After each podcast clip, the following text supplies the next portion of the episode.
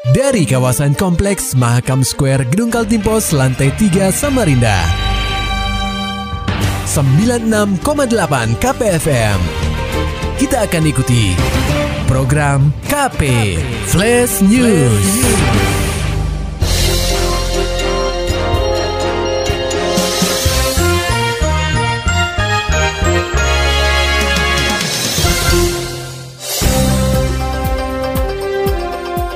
Pendengar KP tanggapi anggota KPPS yang keracunan makanan, Wali Kota Samarinda ingatkan perketat pengecekan konsumsi. Laporan selengkapnya disampaikan reporter KPFM Samarinda, Maulani Al-Amin. Pendengar KP, belasan anggota kelompok penyelenggara pemungutan suara atau KPPS di Kecamatan Sambutan diduga mengalami keracunan makanan. Hal ini terjadi pada Kamis pekan lalu usai acara pelantikan KPPS di salah satu tempat wisata di Sambutan. Dugaan keracunan mencuat setelah mereka mengonsumsi nasi kotak yang panitia bagikan usai pelantikan. Sedikitnya ada 17 anggota KPPS yang baru dilantik dilarikan ke rumah sakit terdekat. Mereka mengalami diare, mual hingga demam yang tinggi.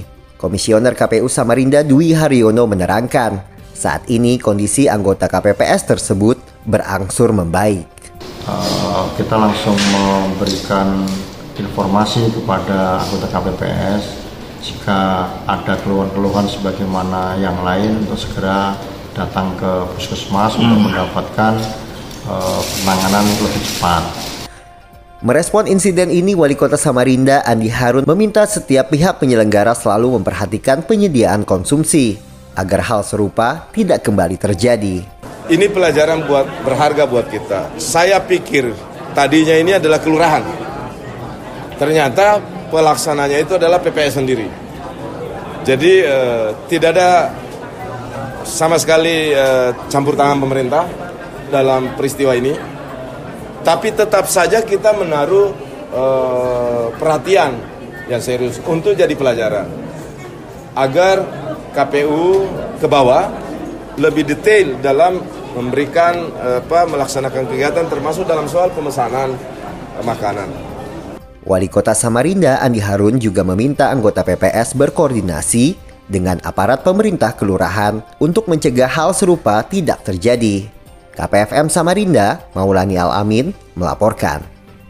Pendengar KP Pemkot Samarinda kebut pengerjaan terowongan Samarinda dari dua arah. Laporan selengkapnya akan disampaikan reporter KPFM Samarinda, Muhammad Nur Fajar. Pendengar KP, Wali Kota Samarinda, Andi Harun, menyatakan bahwa polemik terkait sebagian lahan Rumah Sakit Islam atau RSI yang terkena proyek pengerjaan terowongan sudah selesai. Oleh sebab itu, kontraktor mulai melakukan percepatan pekerjaan agar terowongan pertama di Kalimantan ini bisa segera digunakan pada Oktober mendatang. Andi Harun menuturkan bahwa progres terowongan sampai saat ini menunjukkan angka yang baik dan dirinya sangat optimis pengerjaan proyek selesai sesuai target. Untuk mempercepat proses pengerjaan, penyedia jasa telah melakukan pengerjaan pada dua sisi terowongan, yakni dari sisi Jalan Sultan Alimuddin serta sisi Jalan Kakap. Meski sempat terkendala mengenai polemik lahan rumah sakit Islam, namun Andi Harum menekankan bahwa Pemkot Samarinda dan Pemprov Kaltim telah sepakat untuk melanjutkan pengerjaan terowongan. Terowongan progresnya saya tidak hafal angkanya, tetapi sampai saat ini on the right track.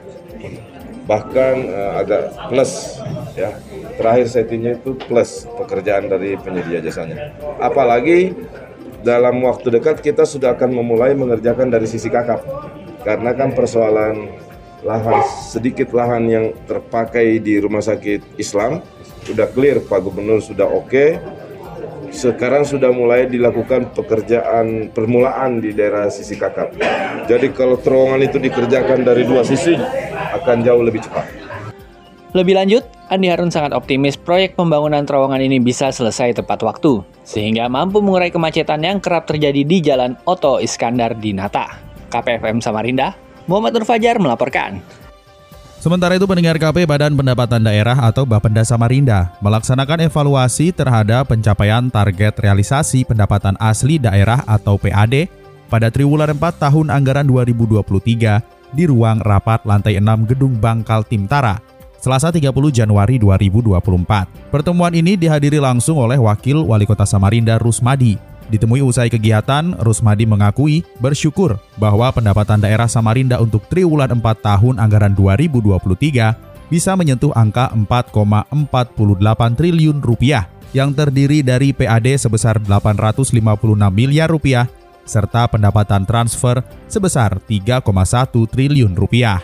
Pencapaian ini tidak lepas dari kinerja perangkat daerah yang rata-rata mampu mencapai target pendapatan daerah yang dicanangkan. Meski demikian, ada beberapa perangkat daerah yang mencatat penurunan pada realisasi pendapatan daerahnya. Rusmadi menegaskan menyikapi hal itu, Pemkot Samarinda akan melakukan evaluasi dan berkomunikasi dengan perangkat daerah terkait untuk mencari tahu penyebabnya.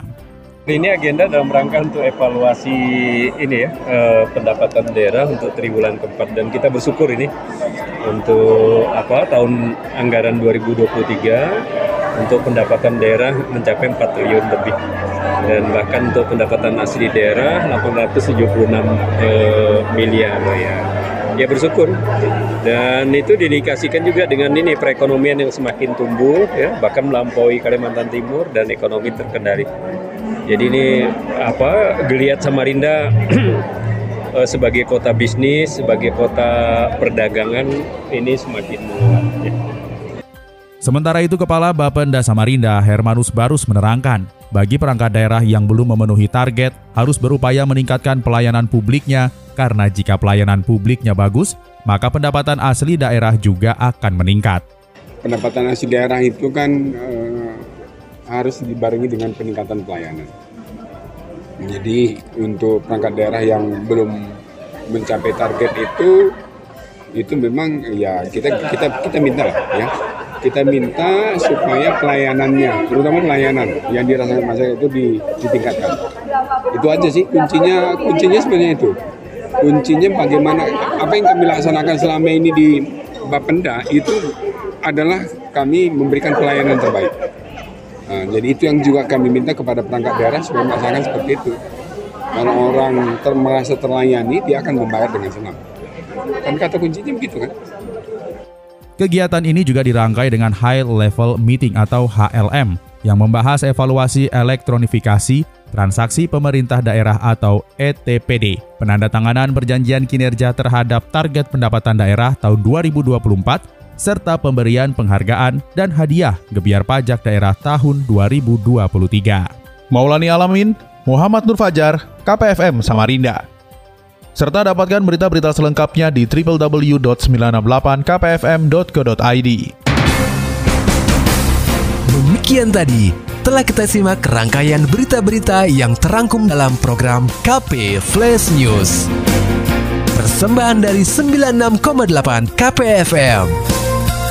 Terima kasih dan sampai jumpa.